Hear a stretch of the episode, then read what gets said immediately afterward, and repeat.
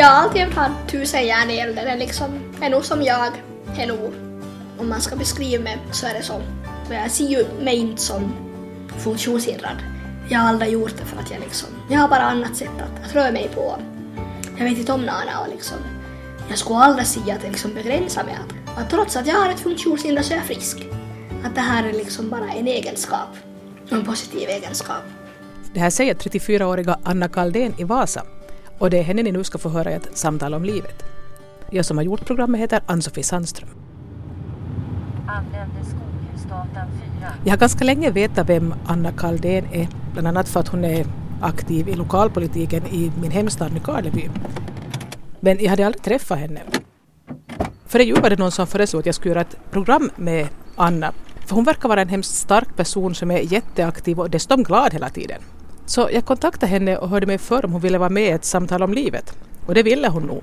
Men eftersom hon är en mycket upptagen person så var det inte så där bara att hitta en tid som passade oss båda. Jag fungerar som ordförande för Finlandssvenska handikappförbund. Och äh, vårt huvudkontor är i Helsingfors. Så därför så reser jag nog jätte, jätteofta till Helsingfors. En blåsig måndag i februari åkte jag till Vasa för att träffa Anna. Jag hittade utan större problem den adress jag hade fått men ingenting hände när jag tryckte på knappen vid ytterdörren. Nå, no, Ann-Sofie här, hej. Hörru, jag måste vid rätt dörr. Jag står här på någon sorts innergård och så har det... Ja, okej. Okay. Bra, fint. Hej!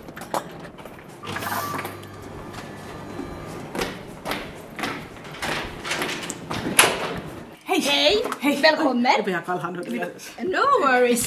Kom in i värmen! Jag ska göra det, ja. ja. Därför jag liksom så liksom att det här veckan ska kunna vara... Jag menar, måste, så tror jag trycker några gånger men det funkar tydligen. Nej, så du har fel på det. Jag försöker få, få det till Anna bor i en etta, bara tio meter från Akademil där hon studerar.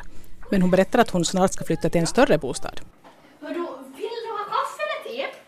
No, alltså vad som helst gar, vad märker du själv har? För jag liksom dricker både och. Ja, jag tror jag tar en kaffekopp. Så tar jag här. Och idag, jag, jag var sjuk hela förra veckan som har jag varit och så. Ja. Jag har inte alls sett den här fastlagsbollen men jag köpte det och jag köpte Teo. Anna åker iväg med sin elektriska rullstol för att sätta igång med kaffeförberedelserna.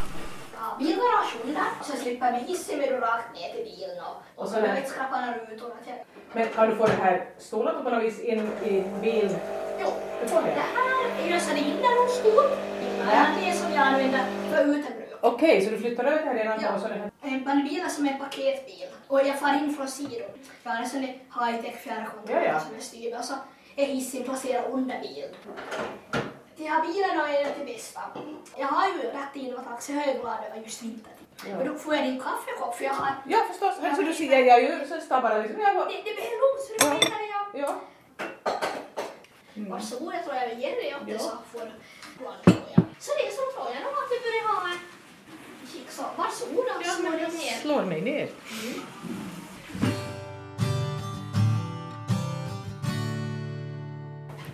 Som jag skrev att, det liksom att vi mm. pratar om tätt liv och lite ja. hur, du har, hur du har blivit den person du är och ja, hur du kan vara så glad hela tiden. Du är den första som har frågat. Man själv har viss tendens till att vara knäll liksom. Ja. För mig så handlar det om att jag gör ett val varenda morgon.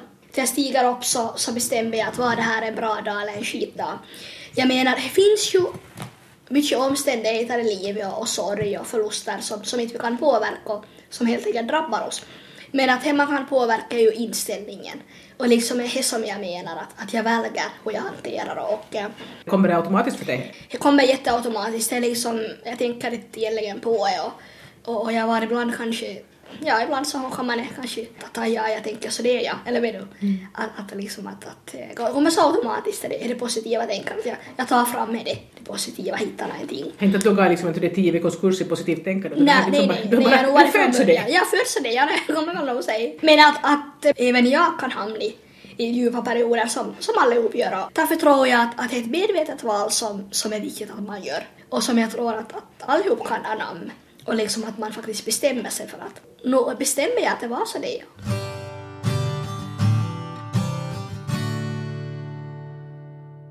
Anna Kaldén, hemma från Munsala, 34 eh, år. Uh, bosatt i Vasa sen uh, jag flyttade hemifrån när jag var 16. Uh, men jag är nog som skriver ny KV ännu, inte som jag med i kommunalpolitiken och, och sådär. Till yrke är socionom i Åbo, studerar i Åbo. Och för tillfället så studerar jag vidare till politisk magister med socialpolitik som huvuämne. Tio meter till, till skolan och är jätte, jättelångt.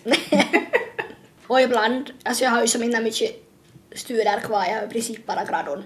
Så att, att eh, fast inte jag har föreläsningar så brukar jag få tid att äta. Anna Kaldén är för tillfället heltidsstuderande, men det betyder inte att det är det enda hon gör. Jag fungerar som ordförande för Finlands Svenska Handikappförbund. Så att jag jobbar inte, utan jag är som ordförande. Men jag har anställda under mig och, och uh, vårt huvudkontor är i Helsingfors. Så därför som reser jag nog jätte, jätteofta till Helsingfors. Så det var lite lugnare. Men att i höstas var jag nog så det att jag var, jag var med i Bortenheim. Bodde i en kappsäck. Men det går ju liksom att man bor själv och så det att man inte på sätt behöver ta hänsyn. Det kan nog vara lite för mycket ibland. Men jag tycker som jag alltid brukar säga att livet är så kort och, och många gånger så, så är det viktigt att ta just de här chanserna som kommer och man lär ju sig av allt. Så att, att jag är så glad över att jag får, får vara med och påverka. Anna Kaldén har varit ordförande för Finlands svenska handikappförbund i fem år och hon är också politiskt engagerad. Jag har alltid haft tusen järn i elden. Liksom, är nog som jag, är nog, om man ska beskriva mig så är det så. Hur länge har du varit engagerad i politiken då? Nu har jag faktiskt varit, vet du vad var jag, var jag 23 år Jag jag varit kommunalpolitiker i Nykarleby. Och då bodde jag i Åbo. Uh, så ringde Steven Frost där och vet jag, satt och studerade i stu, studentlyan i Åbo och frågade om jag ville ställa upp för Socialdemokraterna. På ett sätt var jag liksom självklart vad jag skulle svara men jag funderade nog som en hel del men, men att då vet jag ju inte alls vad jag gav mig in på. Idag har jag ju varit med så länge så att jag, jag vet att det är otroligt alltså, givande att kunna vara med och påverka och förändra samhället. Men det är ju också tufft att vara politiker. Och... Men har du haft någon sån politisk övertygelse före Steven Ringlott eller vad? vad... Eh, nej, no, egentligen alltså om vi går riktigt länge tillbaks, alltså det är ju ingenting som jag diskuterar men, men jag ser ju idag naturligt att, att jag varit socialdemokrat för att, att äh, Faffa var aktiv i munsalsocialismen. Vi har alltid varit socialdemokrater i Kaldén-släkten så att det var ju så ganska naturligt. Då kom jag in då första gången och, och då började jag pendla mellan, mellan Åbo och Österbotten. Och då, då satt jag också med i socialnämnden och satt jag med ännu en med handikapprådet tror jag att jag satt med då. Så får jag avanta och studera på heltid. Lyckades du få det studerat i alla fall? Ja, men jag har varit färdig på utsatt tid, tre och ett halvt år. Det var nog tufft. Ja, tufft var det. Men att, att det gick. Jag sa att, att det är från den tiden. Jag kan inte fatta att det har gått så snabbt. De här åren, det som är helt otroligt är ju att eh, 2004 då, jag var politiker, så blev jag intervjuad av Handikappförbundets tidning SOS Aktuellt. Eh, en tidning som för funktionshindrade Svenskfinlands, deras talan. Eh, ett sånt personporträtt. Och idag, tio år senare, så är jag ansvarig utgivare för tidningen. Men det hade ju knappast råd då jag var, vart intervjuad. Ganska tidigt hade jag, hade jag en dröm om att bli psykolog. Uh, eh, I och med den bakgrund jag har och kanske bagage, vi har allihop olika bagage, men att jag har kanske lite spännande bagage, eller så det och jag tänkte att jag, jag har mycket till ge och jag ska kunna hjälpa andra människor. Uh, så jag vet som ganska snabbt i högstadiet att det är någonting inom hem. Sen så, så vet jag att uh, jag vill snabbt pröva mina vingar så jag flyttar hemifrån tillbaka till högstadiet. Och gick ett år, jag flyttade hit till Vasa, gick ett år på folkhögskola, det var ett underbart år, fick mogna, fick underbara vänner och efter det så fortsatte jag till gymnasiet för jag vet ju att, att skulle jag ha en chans till att bli psykolog så, så är gymnasiet som gäller. Får du tillbaka till Nykabi då till Nej, jag, jag lämnade jag, skaffade lägenhet. Och så sökte jag ett antal år till psykologiutbildningen men jag kommit in. Och jag jag slapp inte vidare till intervjun. Skulle jag sluppit tror jag att jag skulle liksom ha en, eller jag vet att jag skulle ha en bra chans men, men att jag, jag läste inte tillräckligt bra till de proverna.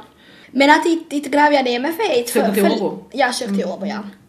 Livet har ju så många vägar och, och liksom han är inte bara rakt den här vägen utan man, man kan ta olika omvägar så jag, jag hade en god vän som tipsade mig om att jag skulle söka till socionom för då kan man profilera sig på ett helt annat sätt och kanske i framtiden och sedan jag tror att, att efter att jag blev klar på politisk magister så vi ska se vad som händer. Jag har många drömmar och planer men då kan det vara att jag, jag söker mig till en psykoterapiutbildning i något skede. Och jag tror att allting har ju en mening och jag, jag tror ju att det var meningen att jag inte skulle slippa in till eh, äh, psykolog Toreid. Jag var ju som i början av 20-årsåldern och jag har ju alltid varit ganska, tror jag, mogen för min ålder. Tvingades växa upp ganska snabbt. Men att ändå så tror jag att, att jag ha varit för ung. Men tänk att du flyttade hemifrån som 16-åring. Mm, mm. Hur, hur, varför, hur ville du det så tidigt? Jag kände att, att jag ville pröva mina vingar och bli självständig och ville visa både för mig själv och Ader att jag klarar mig. Och, och jag kände att, att det var viktigt för att jag liksom skulle utvecklas som människa. Och jag vet ju att skulle jag vänta några år skulle jag kanske inte haft samma mod. Man tvekar inte lika mycket. Nej, så kände jag. Så mm. kände jag. Mm. Och jag tänkte just det med att, att då du frågar eller om att, vad som har format mig så, så tror jag att det är just den här oräddheten och nyfikenheten och, och kämpaglöden som har format mig till han jag är idag och som har just uh, hjälpt mig att fatta livsviktiga beslut. Just så som är det att jag flyttade hemifrån. Det var ju ett stort beslut för mig och tack vare just de här egenskaperna så, så kunde jag flytta hemifrån i så tidig ålder och, och jag är så tacksam över att jag, jag gjorde det. Och jag menar inte som illa mot Munsala eller Nykabe, helt underbart, men att jag kände att för mig så var det viktigt och, och jag kom till Vasa så jag kunde ju få handel själv för affär. Affärerna var på ett annat sätt tillgängliga. Har ju ändrat idag förstås, det var ännu mer tillgängligt i Nykabe och Munsala på senare tid, men, men kanske då för 20 år sedan så var det inte lika. Så jag var ju som, som en kulturkrock då jag kom hit till Vasa. Yes, dörrar far upp sig själv till affären. och jag kan handel själv, eller sen det saker. Och det var oerhört viktigt för mig och, och jag, ja, jag, kan, jag tror nog att, att mina föräldrar, de var nog med, jag låg nog vaken x antal nätter efter att jag flyttat. Men att, att de vet att jag måste göra det. De har alltid stöttat mig. Har du några syskon? Ja, ja, två äldre syskon som är otroligt kära för mig och som jag har jättebra kontakt med. De bor båda utomlands, äh, men det finns ju Skype och alla möjliga vägar att hålla kontakt. Så.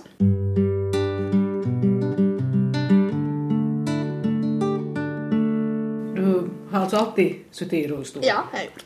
I vilket skede noterar man som barn att inte alla sitter i rullstol? Det är en fråga som jag ofta får. Ja. Jag vet aldrig riktigt vad jag ska svara på han det för jag har egentligen aldrig riktigt tänkt så mycket på att jag är annorlunda. Det var kanske främst i sådana fysiska sammanhang som gymnastik och vid olika matcher och träningsmatcher. För det är sånt det som man mm. liksom hockar att jag kan jag inte på samma sätt vara med som alla där. Uh, jag skulle säga att som barn, eller för mig då igen, jag kan ju inte säga hur det är för Adar, men, men som barn så tror jag inte man, man uppfattar sig själv på samma sätt att, att det var ju sen att jag var tonåring och, och så det som jag då märkte att oho, att nu jag, ser jag inte ut som normen, att, att nu får jag kämpa extra med utseendefixering och, och så det att som barn så upplevde jag inte som på samma sätt att, att jag skulle ha varit annorlunda utan det var kanske mer i tonåren och så det. Men i vilket skede fick du första stolen som du började använda? Hördu, första elstolen fick jag faktiskt till jag var 20 år först. Så att före hade jag kört manuell rullstol eller vagn. Elrullstolen var ju en otrolig frihet för då kunde jag ju köra mig själv, eller då kunde jag köra den själv och ta mig fram själv. Att manuell rullstol så var jag alltid en beroende att när... skutta med. Ja. Så att, att det var oerhört härligt. Så visst, visst kanske jag upplevde men, men uh, nej, för mig var det nog som man ser saker på så mycket jag hade sett om man är barn. Hur kommer det sig då att Anna Kaldén sitter i rullstol? Vad är det du har? Eh, medfödd funktionsnedsättning, eh, kortväxt, kortvuxen. Diastrofisk dysplasi. Diastrofisk dysplasi är alltså den diagnos som Anna Kaldén har. Och personer med den här diagnosen är alla kortvuxna. Anna själv är till exempel 90 centimeter lång. Diastrofisk dysplasi hör till finländska sjukdomsarvet.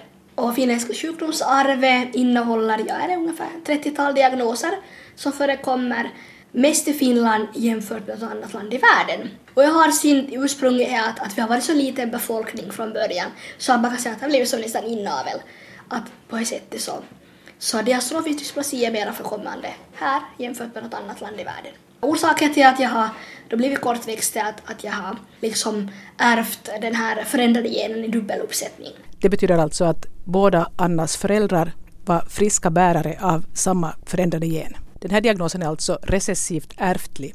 I 25 procent av fallen som man ärver den här genen i, i dubbeluppsättning. Men sen då i 50 procent av fallen så kanske man ärver den här genen i enkeluppsättning. Och, och då blir man frisk bärare, mm. men man blir inte kortväxt. Och sedan den där sista 25 procenten mm. så blir man inte alls bärare. Och vi är 200 i Finland som har diastrofisk dysplasi. Ganska unika. Anna Kaldén nämnde att hon i tonåren började känna av den här utseendefixeringen och att hon då märkte att hon var annorlunda. Så jag frågade hur hon tacklade det. Uh, jag tacklar ganska mycket själv. Uh, jag pratar nog också, vi hade exempelvis en, en god vän, fysioterapeut, en jättegod vän idag till mig också, så hon pratar jag ganska mycket med och, och så det, men jag, jag har alltid varit glömt stark och så det tuff. Så att, att inte var så det så att jag nog kanske direkt prata om mig, typ, utan jag, jag dealar nog med mig själv så att säga. Så det var nog ganska tufft till det man går. Men att det är liksom lite vart lättare typ, att jag flytta. Eller inte för att, att han gjort det, det har inte att göra med det, utan för att jag, jag hamnat i att börja ta ett annat sorts ansvar över mitt eget liv och, och liksom hitta nya vägar till klara olika saker och, och fundera vad jag vill göra med mitt liv. Och då vart det automatiskt som att man liksom självkänslan och självförtroende vart bättre och man kanske vart kär och man liksom är du hela det, det vuxna livet, eller som börjar och tonår, så då, då, då kommer jag säga att det kommer, Anna kom på köpet och Ja, det kan vara bra att byta faktiskt miljö som du får till en folkhögskola. Absolut, jag tror att, att för mig var det bästa som kunde hända att jag tror inte kanske kunna våga tänka det skvaga, eller väl som det var nog bästa beslutet jag, jag bytte miljö. Liksom. Hur valde du just den här folkhögskolan i Vasa då? Uh, det var en av mina assistenter och vänner som har Gajan, som har tipsat jättemycket om det. Och så vart det han och han nog så roligt det året så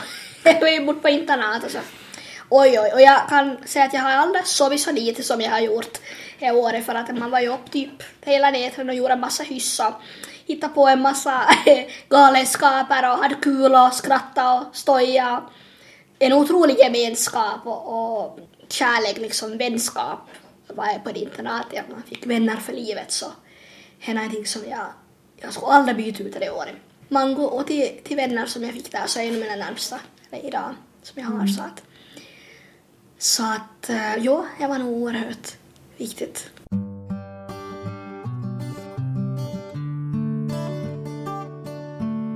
Anna växte upp i Munsala och kom då att gå i en ganska liten skola till att börja med. Jag frågade om hon tyckte att det var bra. Både ja och nej. Ja, nog tror jag att det var bra. Så det var bra, men att, att uh, jag tror jag hellre att det skulle ha varit när illa med en stor skola. Att, att liksom, he, jag tror att det var både bra, det var, det var bra som det var. Men att, att kanske som jag upplevde när jag kom hit till gymnasiet i Övissa, där hade jag som aldrig en känsla av kanske utanförskap eller att jag var annorlunda på något sätt. För, för allihopa som, där fick allihopa sig själva. Var killar som hade grönt hår och mm. det så det att det var liksom helt okej. Okay. På så sätt menar jag att en störd skola kan vara positiv för att man smälter in. Så att, att det finns både, både bra och dåligt. Men att, uh, nej jag skulle nog säga att det jag tror att det är tack vare, eller jag vet ju att det är tack vare min familj och, och mina syskon som har gjort att jag ser allting så naturligt och, och det har alla särbehandlat mig på ett sätt och är oerhört viktigt. Och som gör att inte jag ser de där hindren, för jag menar, jag, jag vet inte om någonting annat. Det var en god vän som, som sa ganska tidigt åt mig att, och det är någonting som jag har bär med mig hela livet, att man kan använda benen, får man använda det man har mellan öronen. Och det är precis det som, är, som det handlar om. Och, och som just det att, att jag ser inte liksom de, de, de hindren. Jag tycker det är så spännande det här livet och jag, jag tror att det var just den starten jag fick och hade flyttat då och det tror jag att gjorde, gjorde mycket för mig. Försöker någon hindra dig från att fara iväg så tidigt hemifrån? Nej, jag skulle inte säga helt. Nej. Att det liksom, du accepterar det? Det gjorde jag accepterar nog, jag gjorde Och jag är ju glad då att jag har stegit på mig och att jag faktiskt också inte har accepterat att annan kommer och säger att hördu. Så det ska du Nej. Mm. Mm. För att det är ju någonting med integritet och självbestämmande rätt är ju, är ju ganska utmanande just om man har en form av funktionsnedsättning. För att, att det kan vara lätt, utan att man menar något galet, mm. att man liksom pratar över huvudet mm. och tror ja. att man vet vad som är bäst för en Ja, så börjar man tala som att jo, Förstår du det här? Här Som var det med om man... Aj, du var... att de tror att du liksom inte fattar när bara för att du Nej, nej, för att man, man sitter i rullstolar. Ja. Men det är nog alltjämt som så utmanande det är som... Nu har du det standardsvar så du kan säga att helt inte jag... Nej, men det beror på vad jag är på för Ja. humör. Oftast så far det in genom ett öra. För jag tycker det är så mycket värt att till stressa upp sig. Men att ibland, att klart att om jag har en sämre dag, eller bara att känna för att jag, nu ska jag nog säga alltså, nu kan jag hitta på något fyndigt nog. Men att samtidigt så handlar ju om som, det handlar ju inte om illvilja utan det handlar ofta om okunskap som är grunden till, till negativa attityder och fördomar. Så att det är ju någonting, man får ju anse sig själv som medfostrare också. Folkbildning på gång, att du försöker liksom Ja. få dem att fatta liksom att helt... Men samtidigt så är det ju förstås som så, det finns så många olika sorts funktionshinder. Det finns det som inte syns alls. Mm, mm. Men ja, det är klart att... att allihop har vi någonting. Allihop har vi något bagage allihop har vi någonting som jag kämpar med. Och det skiljer sig lite från annan. Så I ett fall så är det synligt. ja, exakt. Ö, Och då har jag också hörselskada, vilket Ja, inte jaha. alltid märks. Nu ser du att jag har ganska häftig färg på de här öronapparaterna. Ja, Här är jag valt det själv. Ja, vet du, jag, jag tycker om det så mycket. Ja, ja, ja, okej. Jag har ofta lila hår och så har jag lila glasögon och de här glasögon så jag tänker jag måste ha någonting som matchar. Ja, men det är ju inte så illa. Ja. Har du båda? Ja, Okej. Det här är medfött. Men att, att just en sån sak, om man hörselskada så syns ju inte Nej. alltjämt och, och kan ju leda till en, en massa missförstånd och, och liksom är ganska känsligt till det att Mm. till acceptera. Så det var från början här att du hade hörseln? Hör, jo, det hör ihop med den här diagnosen. Men att det var väl riktigt från början, det var nog som några år då jag liksom fick hörapparater och Var det svårt att vänja sig vid då? Jo, jag, att- alltså, då såg det ju ut som det gör nu. Jag var inte en stor mojäng. Alltså. Det var som äh, spelkortspaket som jag hade liksom runt halsen och så var en alldeles kopplat av det med en apparat här i öronen och jag, jag tror att jag slängde den i väggen ganska många gånger. Och främst för att säkert var det ljudet så, så starkt så att jag kanske var riktigt van med eller så att, att så hade lite show med mig men att har man temperament så har man. Jag Jo, tänkte på, men men jag tänkte på hur du, hur du gick i skolan, du, du gick liksom Ja. med vanlig klass förstås Mm, som allt där. Hade, hade du assistent eller någonting då? Eller? Jag hade assistent, ja. Mm. Då gick du då i, i lågstadiet och drömde om att när vi styrka eller var det bara... Nej, eller nå ja, jag var faktiskt, nu tror jag att du ställer den frågan så det så måste jag erkänna att jag var ju programledare på, på lokala bygde-tvn. Jag tror jag var tio år till jag var med första gången. Det var liksom en annan, annan programvärd och, och då frågade hon vad jag ville vara till jag var stor så sa jag att jag vill vara lärare. så ja, det ville jag vara då. Men att faktiskt, jag skulle nog kunna tänka mig idag, för jag, jag reser ju ganska mycket runt och föreläser idag om att våga se möjligheter istället för hinder. Jag föreläser för organisationer och företag och, och skolor och studerande och, och talat om just under den här rubriken på olika sätt. Så att, att då tycker jag att det är jätteroligt att beröra människor och träffa människor. Och, så att, att undervisa är inte någonting som skrämmer mig inte. Så att Har du några mer ambitioner på det här politisk aktivitet? Att du liksom... Ja, no, jag, jag tycker jättemycket om politik och, och jag skulle liksom, jag skulle gärna syssla med, med politik på heltid, det är absolut, det är nog en av mina drömmar och, och så skulle tycker jag det skulle vara jätteintressant att uh, jobba med mänskliga rättigheter och, och påverka. Så du Praktiken. känner att det faktiskt finns möjlighet att påverka? Alltså, Absolut, jo, det gör jag. Det gör jag. Det inte minsta cyniskt på ett sätt. För jag menar, många som har varit och provat som säger Mm. att, att det liksom gav så mycket energi bara till att slå huvudet mot Ja, väggar. visst, ja, det förstår jag. Och jag menar nog, upplever jag så läs jag, men att, att äh, jag tycker att jag, speciellt inom det här funktionshinderfältet så har jag fått uträtta mycket. Och just i Nykabi med Handikapprådet, så jag är ordförande där Handikapprådet, så har vi ju liksom uträttat bara med, med små medel och, och rätt vilja. Och att inte med samma komma med pekpinnar fast man ibland kanske känner sig frustrerad och skulle vilja göra det men istället kanske man öppnar för dialog. Och då blir ju han det andra också mer intresserad. Aha, vad är det här? Nej, Men oj, hur kan vi hjälpa varandra? Och så var det som ett helt annat perspektiv och, och stämning. Så att Så du lyckas liksom hålla tand för tunga fast du tycker men fattar inte det här. nu, utan du inte, inte alltid, inte alltid. Det beror ju på vilken roll jag är. Om jag är privat roll eller om jag är liksom, nej, om jag är ordförande för Finländska handikappförbund så, så måste jag måste liksom- ha tillbaks. jag menar, men det beror ju klart nu brände jag proppar jag och nu. det är ju det är där ängel. Nej, det är det, okej. Nej men det är så klart att det utmanar. Men jag kände nog att jag, att jag, jag kunnat vara, vara med och påverka. Att jag kan. I lokalpolitiken så handlar det just om de konkreta fysiska förbättringar i staden med automatiserade dörrar och inva-WCn som har lagats eller förstorats eller ramper och, och just sådana saker är helt otroligt. Och sedan i de här handikapporganisationerna så kan vi vara med och påverka lagförslag i, i den här lagstiftningsförberedande processen och vi får vara med liksom på pickoparlamentet och vi har eh, Handikappförbundet samarbetar med SAMS, samarbetsförbundet kring funktionshindrade, vi har två jurister och till samarbetar vi ju tätt med också för det är ju med i de här lagstiftningsprocesserna och då får man alltid ge förslag och kommentarer på att, att hur skulle det här behöva göras annorlunda och så det är så att absolut jag kände jag fast ett tag länge men, men att man ska ju börja någonstans. Man kan ju liksom... Du blir inte, du blir inte liksom sådär frustrerad att går för långsamt fram utan du, du kan liksom ta det. Men Rom byggdes ju inte på en dag. Jag trivs i storstan. Jag skulle bra kunna tänka mig att bo på ett större ställe. Men jag älskar också Österbotten och, och liksom hela den här kulturen och, och alla vänner och, och liksom mamma som jag har här. Och det är liksom, det är oerhört viktigt. Men att jag har aldrig känt att jag som är, måste vara bunden till något ställe. Det är klart att har man familj och, och så det är det så som Nana. Men att, att jag liksom är, har väldigt lätt att flytta från ställe till ställe. Det ingår i dina drömmar att du ska ha familj?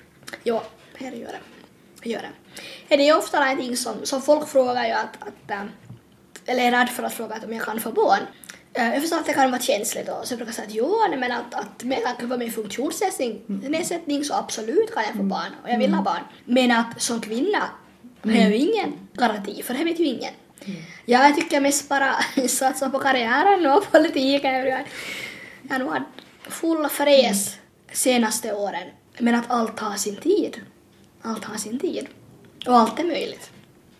Jag tycker jag kanske, det här vet jag, folk tycker att jag är konstig som, som tycker så det är, men eller jag upplever Österbotten ganska familjecentrerat.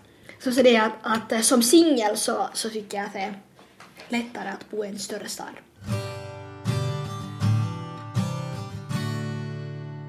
Anna Kaldén har flera gånger nämnt att hon har massor av järn i elden och att hon är jätteaktiv. Så jag frågar om hon någon gång har varit i riskzonen för att bli utbränd. Absolut, nu måste man vara försiktig. Det är väl kanske just med det med, med han det, det är valet och varje morgon och det bestämmer liksom hur man förhåller sig till saker och ting. Och det är viktigt att komma ihåg sig själv. Och här nog de gränserna jag nog som lärde mig. Den hårda vägen, den hårda vägen så, så har jag lärt mig och kanske också börjat känner mig själv så pass bra att jag känner igen de tecknen. Nu är ju det liksom att jag kan eh, koncentrera mig att, att om jag sitter och hör på någon så, så vandrar tanken bara åt alla de håll. Och det tycker jag är det värsta, värsta som finns för att, att, att lyssna är en av de viktigaste uppgifterna man har som människa tycker jag och, som vän. Och, och är det så att jag märker att jag inte kan höra på att folk pratar, inte kan koncentrera mig så då, då vet jag att jag är på väg att man ska nog vara försiktig och, och tänka. Men så tycker jag, eller bara för mig personligen, mm. att jag har varit med om så mycket trots att jag är bara 34 år. Så jag är som sit, sit som så mycket alltså, sorg och förluster och sådär. Och man vet liksom att, att som sagt livet är kort, man ska ta vara på det. I och med det så tycker jag att man har varit som bättre på att, att faktiskt känna, känna igen sig själv eller vet du vad man, man reagerar. Och han dagen man börjar känna att, alltså det här låter kanske lite, inte vet jag, fånigt men att han dagen man börjar känna att det man inte gör är, som inte är roligt mer så tar man fel ut. För mm. att, att man ska trivas med det man gör, man ska trivas med arbete för man är ju på arbete så väldigt stor tid av, av liksom dygnet och vi lever ju bara det här ena livet. Så att, att därför är det viktigt att man liksom trivs och, och faktiskt äh, säger nej när det här vill inte jag göra. Men det är ju som så mycket kring det här samhället och prestige och, och, krav och förväntningar och normer och ideal och hela det här som spelar in på att, att kan man faktiskt göra vad man vill? Eller gör man det som man förväntas?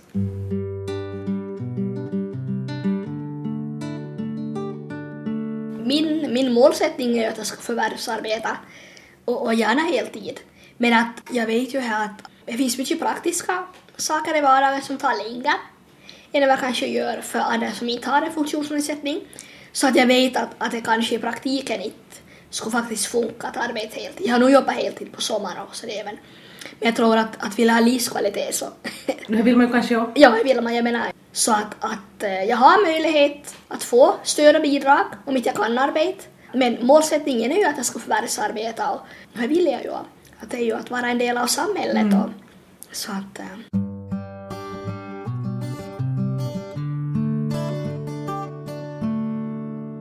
sa att du har, fast du är så ung, att du har varit med om en del förluster och sådär. att- Jo, jag förlorade min pappa då jag var 2003.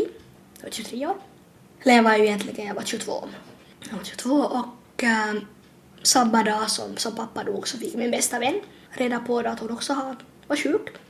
Hon var 24 år då. Och äh, hon blev frisk då. Hon blev friskförklarad efter något år men sen så dog hon också. Så jag förlorade liksom två, en av de viktigaste människorna inom, inom relativt kort tid. Då. Och jag var ju jätteung. Jag hade just liksom börjat leva. Det kändes som att, att jag var som, man, var som i en mardröm att, att liksom tänka att det här händer idag. Och då skulle man ut i livet och, och liksom tänka men att, att hur gör jag nu? Att då måste liksom hitta nya sätt att, att överleva och, och att klara mig utan de här människorna som har stått mig, stått mig allra närmast. Livet liksom kastades omkull helt, helt och hållet. Jag var som nog nere i ett, ett svart hål att jag brukar tänka att tid vill jag aldrig igen. Du kom upp ur hålet. Jag kom upp ur hålet. Du är länge. Uh, det här var en positiv sak med att jag har tusen järn i elden. För att jag lämnade alla och funderade grubbel.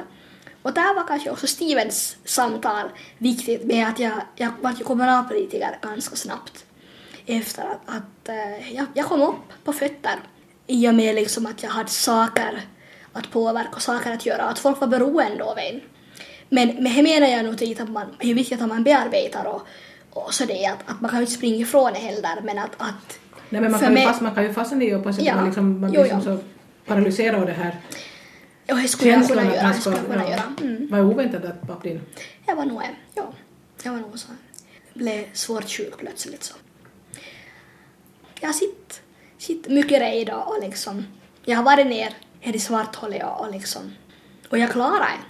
Och jag är så tacksam över att jag får dela med mig av, allt det jag har varit med om, för jag vet att jag kan uppmuntra andra och stärka andra. Och det är otroligt viktigt för mig. Och det känns helt fantastiskt. Men att det här är ju också i och med att, att fast jag har ett funktionshinder så betyder ju inte att jag skulle vara skonad Nej, från, från det övriga livet. Eller nej. jag kanske bara ibland tänker när det bara så så det att jag menar ibland så tycker jag att mitt funktionshinder har varit det minsta problem eller utmaning. Jag ser ju det som problemet. Man är ju starkare än man tror och, så det är så att det, livet har nog många, många nyanser och, och liksom och jag är liksom tacksam för han ödmjukheten jag har fått via det här. Kan du liksom under att vara svag och ifall det liksom just att livet ösar på lite för mycket på en gång åt det? Jag har kanske inte alltid så lätt att vara svag. Jag är en sån väldigt stark person och där så har just musiken en, viktig roll. Musiken har alltid varit väldigt viktig för mig och, och, och jag är oftast gladlynt och positiv och uppmuntrande som uppmuntrar andra och stöder andra och jag trivs med. Men då har musiken då istället kanske, jag har fått ge utlopp för sorg och negativa känslor.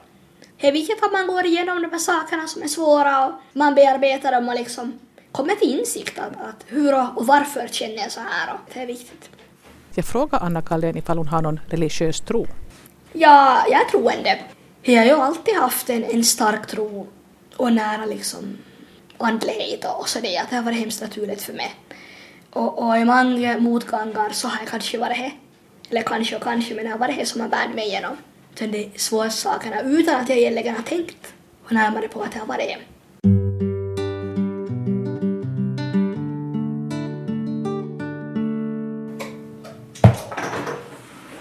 Vara klockan? är- Oj, klockan är halv fem, ser du bara. Ska du vidare på någonting nu snart? Nej, men jag har ställt som sagt. Jag har, skulle ha zumba ikväll men jag, vad heter det, jag varit sjuk förra veckan så Ja. jag, jag känner att det är lika bra att jag tar lite lugnt idag. Men här brukar jag, måndag alltid halv fem till halv sex så har jag zumba. Tränar zumba, det är otroligt. Det är min egen tid. Johannes sa att det är helt okej. Moment och så. Nu har du ju rätt i det att det är jättemycket hur den inställning man har till det mesta som styr Mm. hur man upplever det. Jag har specialiserat mig i mental health promotion, främjande av psykisk hälsa. Två år, 60 studiepoäng. inom det här akademiet och så där har vi haft som teoretisk referensram salutogent synsätt. Det vill säga att man, man ser det friska istället för det sjuka. Och äh, det är ju helt fantastiskt. Det stämmer överens med min livssyn överlag och så jag var som så glad över att vi faktiskt fick studera i det. Vi var hälften studerande som var tantej och hälften i arbetslivet. Och äh, vi gick i samma grupp då och fick lära oss redskap för hur vi liksom kan bemöta klienter i det här salutogent Salutogent. Uh, att se det friska mm. istället för det mm. sjuka. Att man istället för att fokusera på, på det som är sjukt eller det som man inte kan så fokuserar man på det som man kan. Och, och liksom att leva med, med exempelvis ett funktionshinder eller en sjukdom. Mm. För att, att hur sjuk en människa är så finns alltid någonting friskt.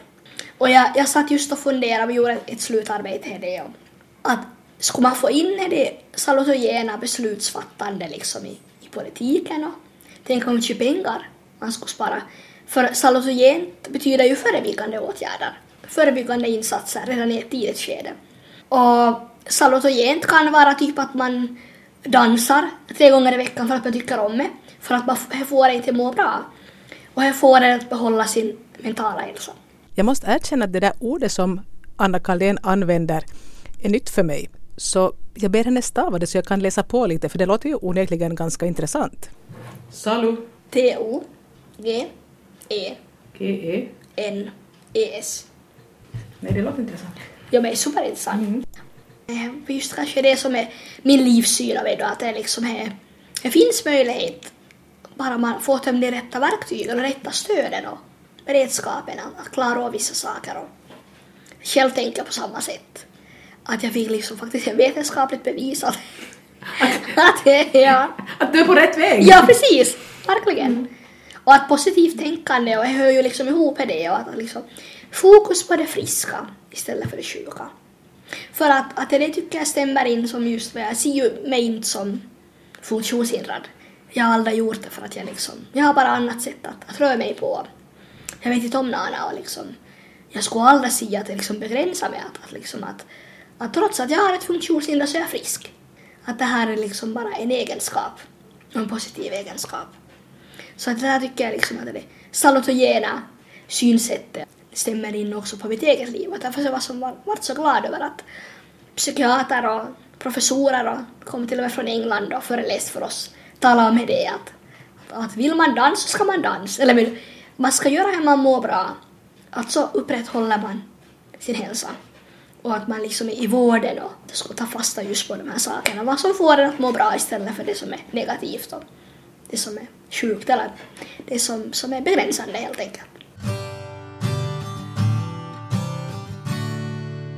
Vad är någonting som vi borde ha pratat om som inte vi har pratat om? Som... Jag brukar tänka att kan jag förändra eller kan jag påverka en människas synsätt eller tankesätt kring eh, positivt tänkande eller, eller olika val man gör i livet eller hur man förhåller sig till vissa saker eller hur man förhåller sig till personer med funktionsnedsättning så då har jag ju nått mitt mål. En person. Jag, menar, jag, jag vet ju att jag påverkar fler men att liksom är, är en otrolig drivkraft i det att möta människor och, och se att jag har kunnat ge dem någonting. Det var helt fantastiskt.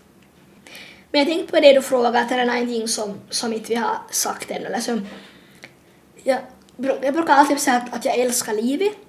Men jag skulle aldrig vilja leva livet på det andra sättet än jag gör. Leva varenda dag fullt ut. Och jag kanske låter som en kliché, jag vet som att oj, oj, med det, det säger man ju bara. Men, men jag gör det faktiskt och, och liksom det är tror jag att gör att, att jag känner att livet är så värdefullt. Jag vet kanske hur snabbt det kan ta slut. Så det är kanske mitt livsmotto, eller det som, som jag liksom alltid lever enligt. Och, ja, som gör att livet var så spännande. Mm. Du sa hela tidigare att du, att du liksom tycker att det ska vara roligt det man gör. Ja. Det verkar som att du tycker att det du gör är roligt. Verkligen, verkligen. Skulle jag i något skede komma fram till att, att jag behöver byta väg eller göra andra livsval så då, då måste jag ta itu med. Men just nu så känns det jätte, jättebra det jag gör. Och jag har mycket kvar som jag ska göra.